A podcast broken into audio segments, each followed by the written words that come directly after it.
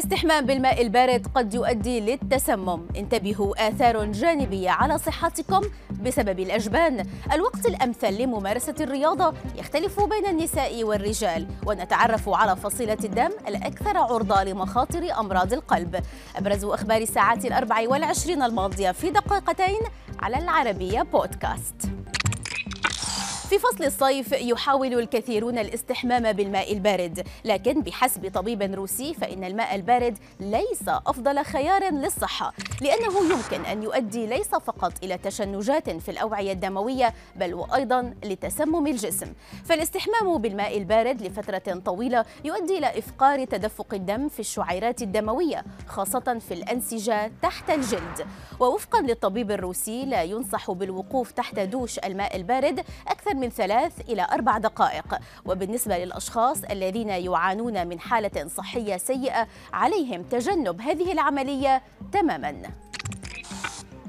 إذا كنت من محبي الجبن فأنت لست وحيدا. الطعم اللذيذ المحبب للجبن يجعل من تواجده في كل مكان أمرا سهلا لكن للجبن عيوب وآثار غير محببة. وبسبب محتواها من الصوديوم والدهون يوصي برنامج التغذية الوطني لمؤسسة هول سيتيز بالحد من تناول الأجبان والالتزام بحصة لا تتعدى 30 جراما في اليوم بالإضافة إلى استبدال الجبن كامل الدسم بخيارات قليلة الدسم. ولتقليل استهلاك الجبن أو حتى الإقلاع عنه تماما هناك آثار عديدة تشمل تحسن لون البشرة وملمسها والتقليل من الصداع والشقيقة وفقدان الوزن الزائد وتقليل الالتهابات في جسمك.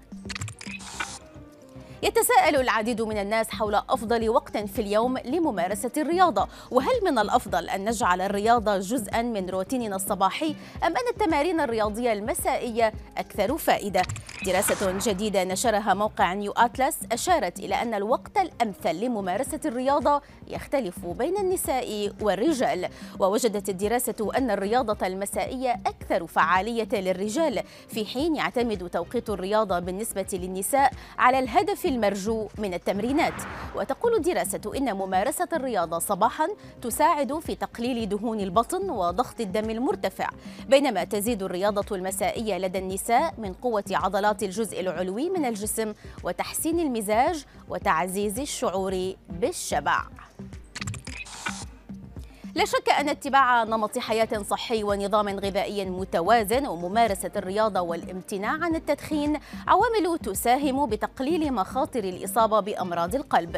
إلا أن هناك عوامل خطر أخرى لا يمكن فعل أي شيء حيالها منها فصيلة الدم. والتي تقول دراسة لكلية هارفارد للصحة إنها قد تكون مرتبطة بمخاطر الإصابة بأمراض القلب. وكشفت الدراسة أن الأشخاص الذين ينتمون لفصيلة الدم O لديهم مخاطر أقل للإصابة بأمراض القلب مقارنة بفصائل الدم الأخرى وأشارت الدراسة إلى أن الأشخاص من فصيلة الدم AB معرضون لخطر الإصابة بأمراض القلب أكثر من غيرهم بنسبة وصلت إلى 23% بينما وصلت نسبة مخاطر الإصابة بأمراض القلب لدى فصيلة الدم B إلى 11%.